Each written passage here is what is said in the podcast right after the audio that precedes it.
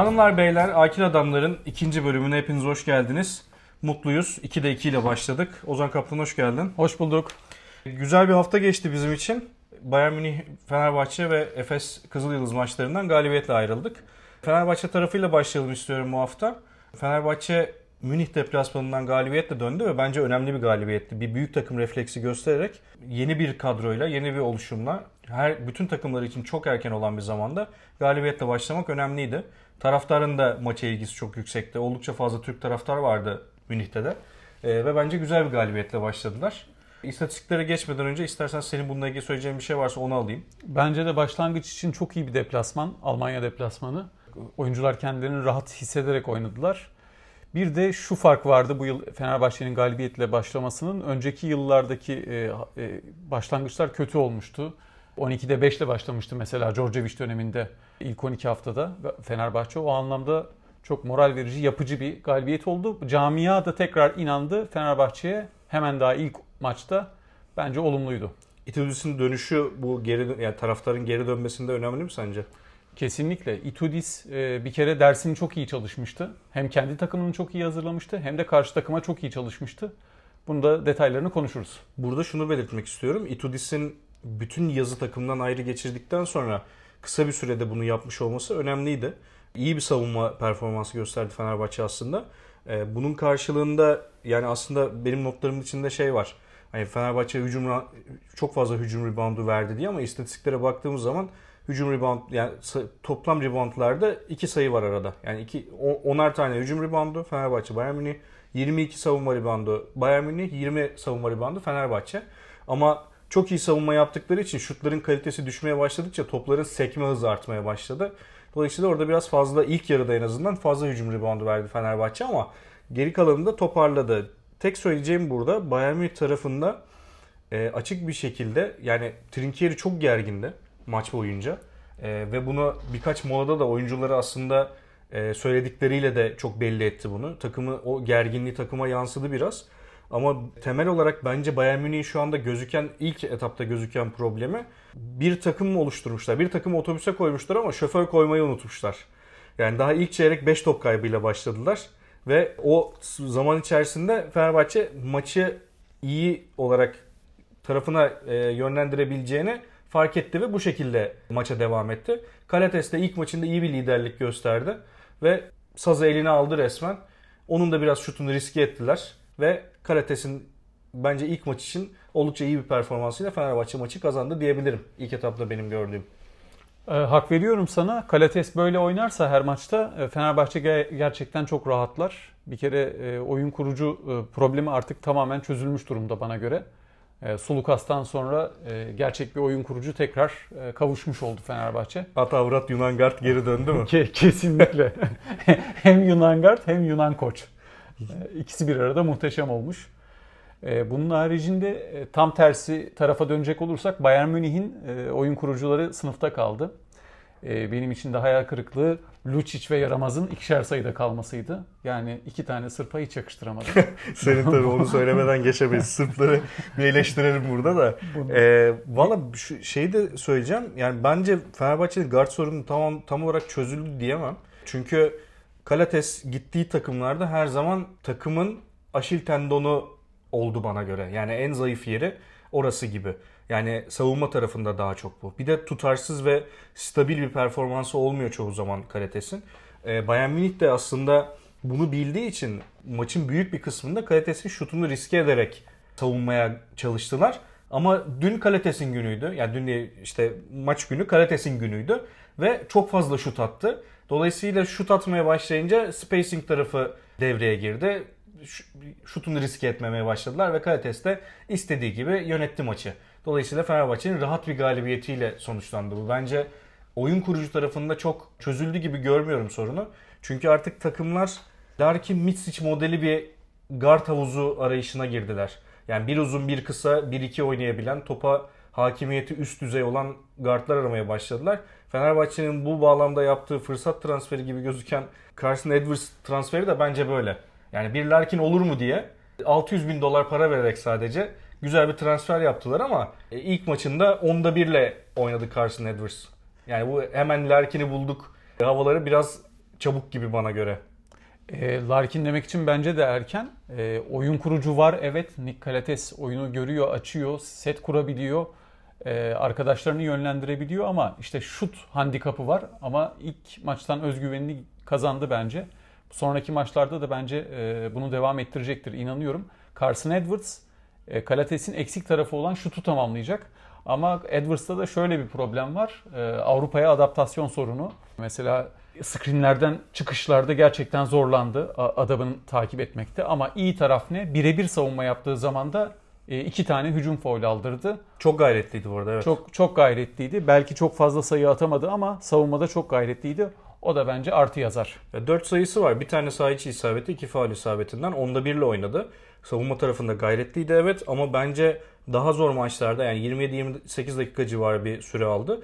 Ama bence e, zorluğu daha üst düzey olan maçlarda Guduric'i orada oynatacaktır diye tahmin ediyorum. Yani Guduric de e, oyunda olduğu dakikalar etkiliydi bence. Guduric de etkiliydi evet. E, Guduric'in şöyle bir durumu var. Bazen çok yükseklerde oynayabiliyor. Bazen de gerçekten oyundan çok düşebiliyor. E, bu sefer 20 dakikada 6 sayı sanırım bir e, şeyi var, istatistiği var. Fena değil ama savunmaya katkısı onun da çok fazla oldu. E, toparlayacak olursak Fenerbahçe'de bence en güzel nokta şu. 8 yeni oyuncu ve yeni koç ama daha ilk haftadan e, olumlu bir başlangıç. Ben tebrik ediyorum gönülden Fenerbahçe'yi. Şöyle Itudis'in ya şu anda içinde bulunduğumuz durumda takım çok Itudis'in takımı değil açıkçası. Çünkü Itudis hep akalite oyuncularla oynamış. Hep büyük bütçelerle oynamış bir koç. Bu süreci nasıl yöneteceğini hepimiz çok merak ediyoruz. Ama ilk haftada en azından verdiği sinyaller olumluydu açıkçası. Tonya Cekiri 15 sayıyla katkıyı yaptı. Yani şut mekaniği çok ilginç bir oyuncu olmasına rağmen e, orta mesafe şutları gayet etkiliydi. E, maçın sürprizi bence 2-3'lük atan Otello Hunter'dı. Evet ya. E, iki tane üçlük buldu 18 Demek sayıyla. Demek ki öğrenmenin yaşı yok Okay. Tabii. 38-39 yaşında üçlük atmaya başladı adam. E, onun onun kadar yürekli de bence Bayern Münih'te bir oyuncu yoktu. Yani Bayern maçına değerlendirecek olursak. Bayern tarafını. Onun kadar yürekli oynayan bir oyuncu yoktu zaten ya. O mücadeleyi gösteren. Doğru ama e, Otello Hunter'ın artık üçlük atmaya e, çalışması bile e, bir noktada koça yazar. Bence Trinkieri Fenerbahçe'nin iyi savunması karşısında maalesef iyi hücum edemedi ve buna bir çözüm de bulamadı. Özellikle adam değişmeli savunma karşısında iyi bir çözüm bulamadı. Orada da Trinkieri'yi biraz eleştirebiliriz. Yani Trinkieri uzun yıllardır aslında hep böyle bir eleştirilme durumu var onun da ama geçen sene herhalde en başarılı dönemini geçirdi hani playoff'lara kalarak. Kesinlikle. Ama e, genelde eleştiriliyor. Ben çok anlam veremiyorum. Hani e, elindeki Final bütçeyle ucundan döndü biliyorsun. İşte, evet evet onu diyorum yani. Son elindeki bütçeyle kaybetti. elindeki bütçeyle yapabileceği şeyler bir yere kadar kısıtlı. Hani kötü bir koç değil bence ama bir yere kadar yapabileceği şey de bu bütçelerle kısıtlı gibi görüyorum. Bu sene de e, işlerinin çok kolay olacağını düşünmüyorum. E, iki tane yeni çaylak oyuncuyu ana rotasyona dahil etmeye çalışıyor. Dolayısıyla e, Bayern Münih için zor bir sezon olacaktır diye tahmin ediyorum. E, buradan Efes tarafına geçelim hemen istersen. Efes de güzel başladı hatta harika başladı diyebiliriz. E, Efes tarafında söylenecek çok şey var. Çok büyük bir atmosferle girdi sezona. Sahanın içinde ya ben bunu oradayken de söyledim ya Efes maçını beraber izledik seninle. 2 Euroleague kupasını sahaya koydu. Videolar, şarkılar, müzikler falan filan. Yani Kızıl Yıldız oyuncusu olmak istemezdim açıkçası. yani o, o taraftan yorucuydu. Ergin Ataman sahaya girdiğinde inanılmaz bir atmosfer oldu. Üç işareti yaparak girdi zaten yine o, o iddiasını evet. şey yaptı. Millet o yüzden böyle bir gaza geldi falan. Rotasyon tarafında şunu beğendim bu arada. Şu hoşuma gitti. Egehan Arna ile Buran Tuncer'i rotasyona dahil etti ve 8-9'ar dakika oynattı zannediyorum o ikisinde. Bu Türk basketbolu için önemli bir gelişme bence. Biz bunu senelerdir söylüyoruz. Hani bu seviyede EuroLeague'de iki takımımız varken bu süreleri alamayan Türk oyuncumuz neden yok diye. Dolayısıyla bu şu an için önemli. Larkin'in sakatlığı buna biraz destek oldu açıkçası. Ama bence yani bana kalırsa şahsi görüşüm şu anda konuşulan Jovic transferinin olmaması yönünde benim fikrim. Jovic transferi olmasın. Egehan ve Buğra'nın ne kattığına bakalım. Efes bence bunu e, Kasım sonuna, Aralık sonuna kadar da tolere edebilecek bir takım.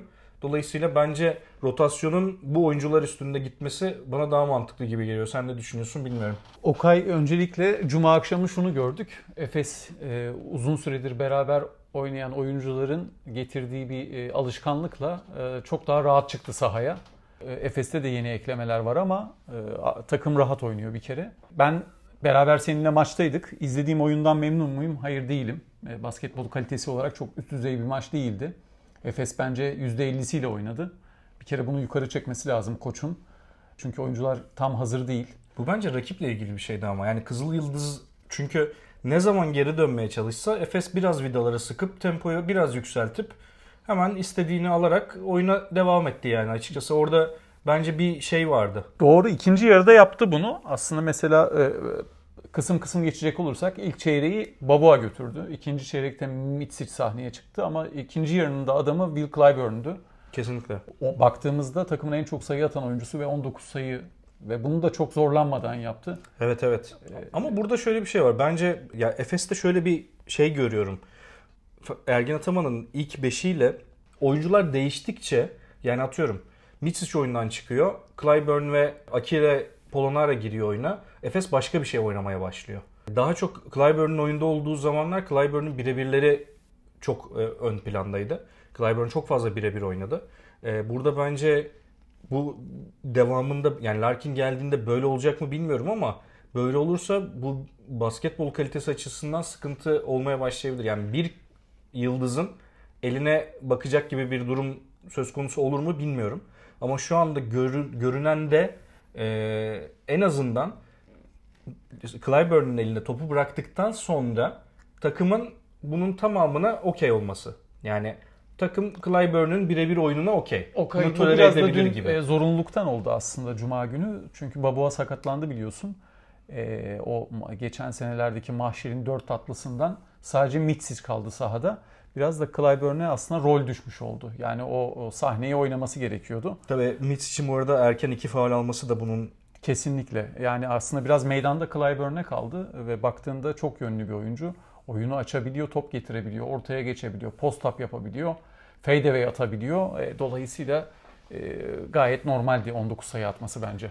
Yok attığı sayıda problem yok da bence sadece oyun e, Efes'in oyun şekline e, müdahale edecek mi Clyburn'un varlığı onu merak ediyorum sadece de e, onu zamanla göreceğiz artık. Çünkü bütün takımların zamana ihtiyacı var. Onu e, artık şey çok bariz bir şekilde gözüküyor zaten. E, bir taraftan ama şöyle bir şey var. Bunu e, buradaki samimi fikrini merak ediyorum gerçekten. Efes 4 numara rotasyonu tamamen değiştirdi. Yani Moerman ve Singleton yerine Amat Mbaye ve Akile Polonara ile hatta Clyburn'u da oraya dahil edebiliriz. Bunlarla bir 4 numara havuzu oluşturdu şu anda Ergin Ataman ama Singleton ve Moerman'ın katkısı, sertliği bu oyunculardan alınamayacak diye düşünüyorum ben. Yani o çünkü e, Akile Polonara'nın da çok çabuk 3 faul aldığını e, sırtı dönük savunmada bunların üçünü de aldı bu arada. E, dolayısıyla burada bir sıkıntı yaşayacak mı Efes onu çok merak ediyorum. Ben... Büyük ve zorlu maçlarda özellikle. Bir taraftan da hemen bunu sana atmadan önce şunu da bağlayayım. Hepsine beraber cevap rica edeceğim senden. Ergin Ataman açıklamasında Singleton'ın biraz zamana ihtiyacı olduğunu, e, bir yarım sezon dinlenmek istediğini söyledi. E, yarım sezon sonra ne olacağını bakacak gibi bir şey söyledi Singleton için ama e, bu devre arasında Singleton geri döner mi sence? Evet Singleton baktığın zaman biraz böyle yani yarım, şey dedi yarım, yarım sezon lafını böleceğim çok pardon. Çocuk biraz dolaşsın gelsin. Biz lazım olduğunda alırız'a mı geldi laf. Ya, gerçekten enteresan. Bak Efes'ten ayrıldıktan sonra Singleton'la anlaşan takım yok. Singleton boşta ama e, duyduğumuza göre biraz da bunu kendisi tercih ediyormuş. Yani biraz böyle bir tarzı var. Biraz dinleneyim. Evet evet Ergin de onu söyledi. E, gezelim, dolaşalım, yiyelim, içelim. İkinci yarı bakarız e, kafasında herhalde. Sezonun ortasında geri alır mı Efes onu? Bunlar tabii çok şu anda uzak konular. Bir tahminde bulunmak e, zor. Yani o kadar e, gerekli olabilir mi Singleton? Ben bunu çok olumlu bir ihtimal olarak görmüyorum açıkçası. E, çünkü Clyburn'un de rebound çekebilen biri olduğunu hani unutmayalım. E, Moerman konusuna gelirse e, yani şimdi Efes iyi bir takım ama e, her iyi takımın da aynı zamanda e, eksik tarafları, negatif tarafları da var. Moerman Singleton ikilisinden çok ciddi bir rebound katkısı alıyordu Efes ama bu şu anda kağıt üzerinde düşmüş gibi görünüyor.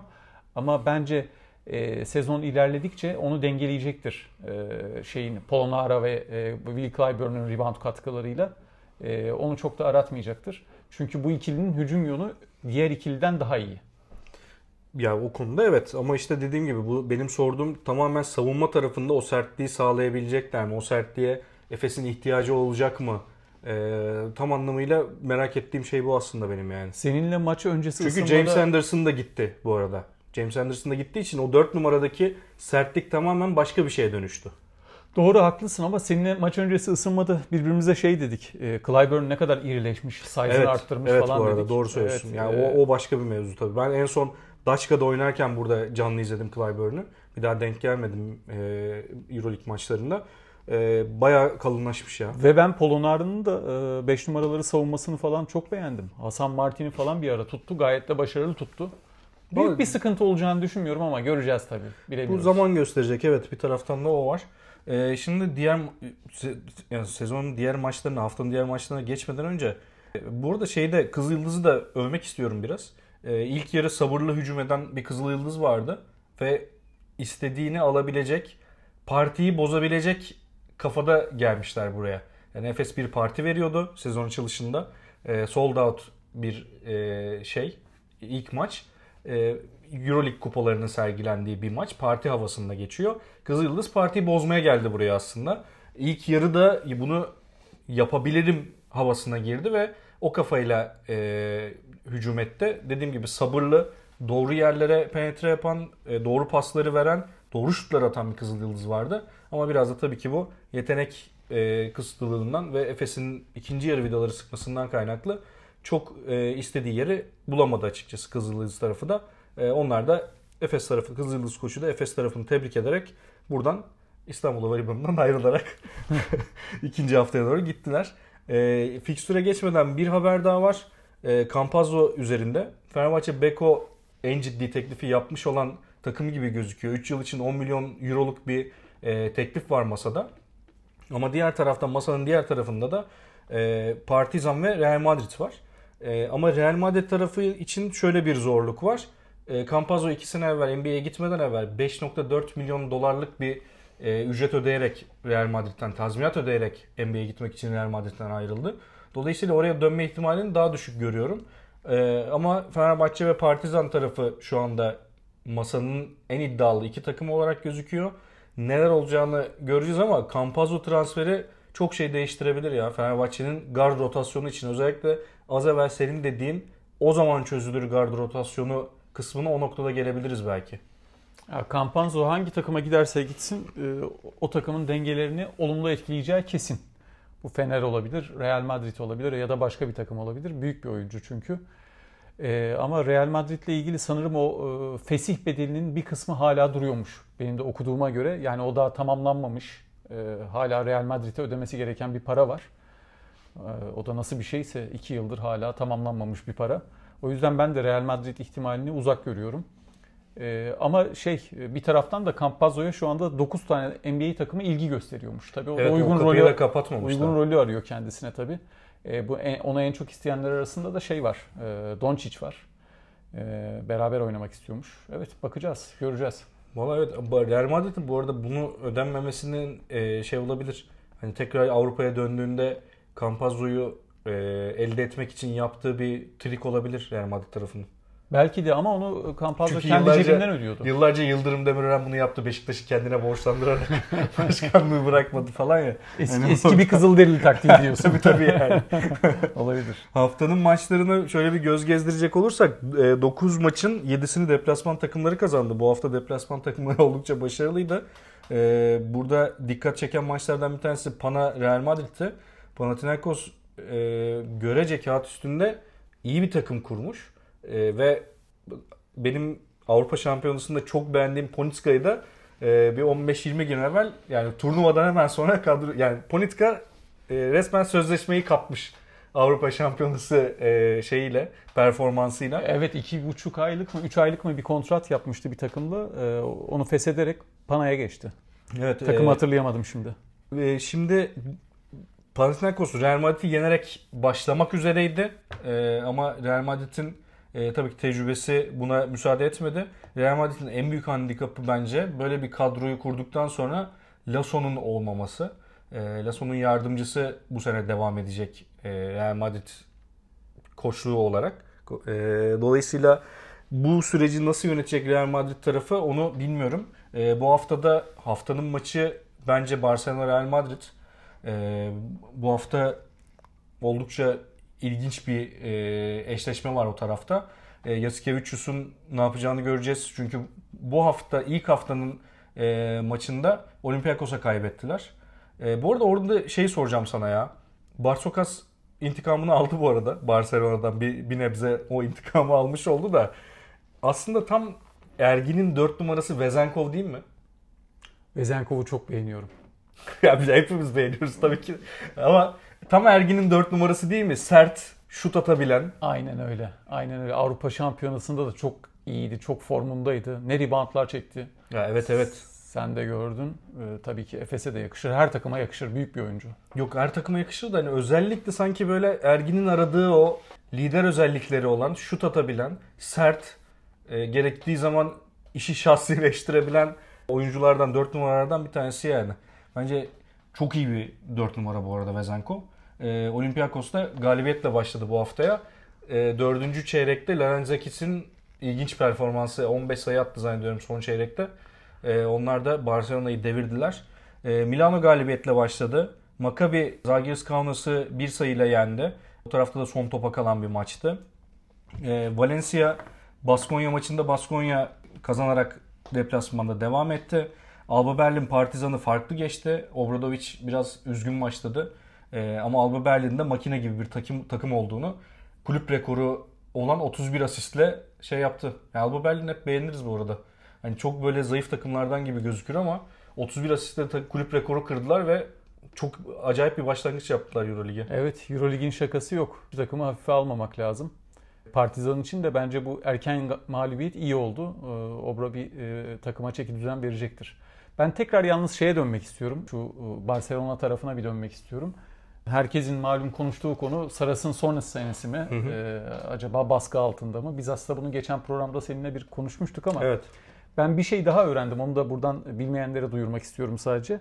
Barcelona'da Saras'ın baş asistanı olan Mascolinas bu yıl sezon başlamadan yönetim tarafından Saras'a sorulmadan görevden alınmış. Birinci asistan koç. Bu da e, enteresan bir gelişme. E, Saras'ın fikrinin sorulmaması ve orada belki de bir mesaj verdiler. Aba hani, altından sopa mı gösterdiler? Olabilir, olabilir. Yani bir sportif başarı şart e, Barcelona için. Ve sezona da kötü başladı aslına bakacak olursak. Şeyde İspanya Ligi'nde de ACB'de ilk maçında yenildi Barcelona. Biraz tehlike çanları çalıyor sanki. Eğer Saras bu sezonu tamamlayamazsa hiç de sürpriz olmaz. Şimdiden böyle bir kehanette bulunabilirim. Yani aslına bakarsan Saras, bu, Saras başarısız bir koç mu diyemeyiz. Ancak karakteri ve şeyi itibariyle ondan daha fazlası bekleniyor. Barcelona'da o sabrı gösterebilecek bir kulüp olmadığı için aslında bunlar konuşuluyor. Yoksa baktığın zaman e, Final Four oynamış, final oynamış, İspanya Ligi'nde Real Madrid'de bir kez kazanmış, bir kez kaybetmiş bir koç olarak başarısız bir koç diyemeyiz. Ama dediğim gibi orada Saras'ın karakteri Mirotic'in sakatlığı biraz şey oldu Saras için. Çok büyük şanssızlık oldu Mirotic'in olmaması. Evet ama işte Mirotic'siz başlamak. Yani bir oyuncu sakatlandı diye de bunu şey Muhakkak. yapamayız yani. yani. Onun yerine birini koymamız lazım gün sonunda. Ee, Monaco Bolona'yı yendi.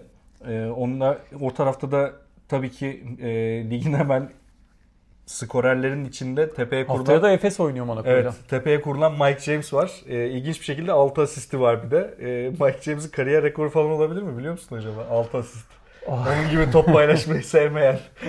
Her ama, ben atayım ama oyuncu. artık çok değişti. Abisi eskisi gibi değil yani. çok olgunlaştı. Ya valla huylu huyundan vazgeçmiyor ya. Ozancım olmuyor yani maalesef. E, Monaco'nun koçu da bence biraz onu, onu olumlu etkiledi. Geçen se- sezon da bu koçla çalıştı. İsmi neydi? Ve çok iyi geldi bence Mike James'e. Yani Mike James'in bence kariyeri boyunca bu sorunları vardı ama Sasha Obradovic bu arada Monaco'nun evet. koçu da. E, kariyeri boyunca bu sorunları vardı ama sanki böyle o özgürlüğün verilmesini bekliyor ve hani öyle daha rahat ediyor gibi bir hali var Mike James'in. Genelde o tip oyuncuların öyle oluyor ama e, umarım haftaya o özgürlüğü olmaz en azından. E, Anadolu Efes deplasmana gidiyor Monaco'ya e, ikinci hafta maçında. Fenerbahçe'de Maccabi Tel Aviv içeride oynayacak. E, ilk defa iç saha maçı oynayacak Fenerbahçe'de bu sezon yanılmıyorsam.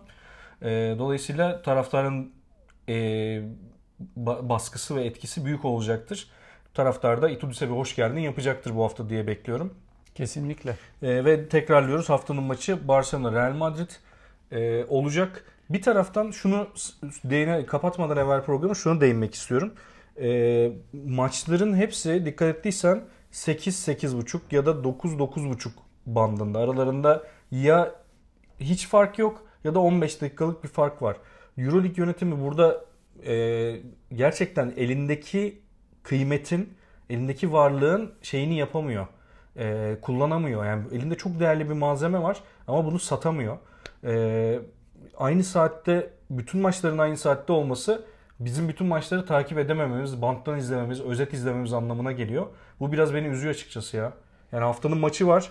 Ee, işte Barcelona Real Madrid saat 9.30'da.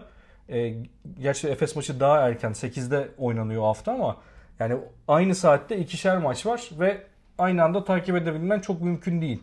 Diğer taraftan ertesi gün işte saat 9-9.30'a yayılmış 5 tane maç var yani.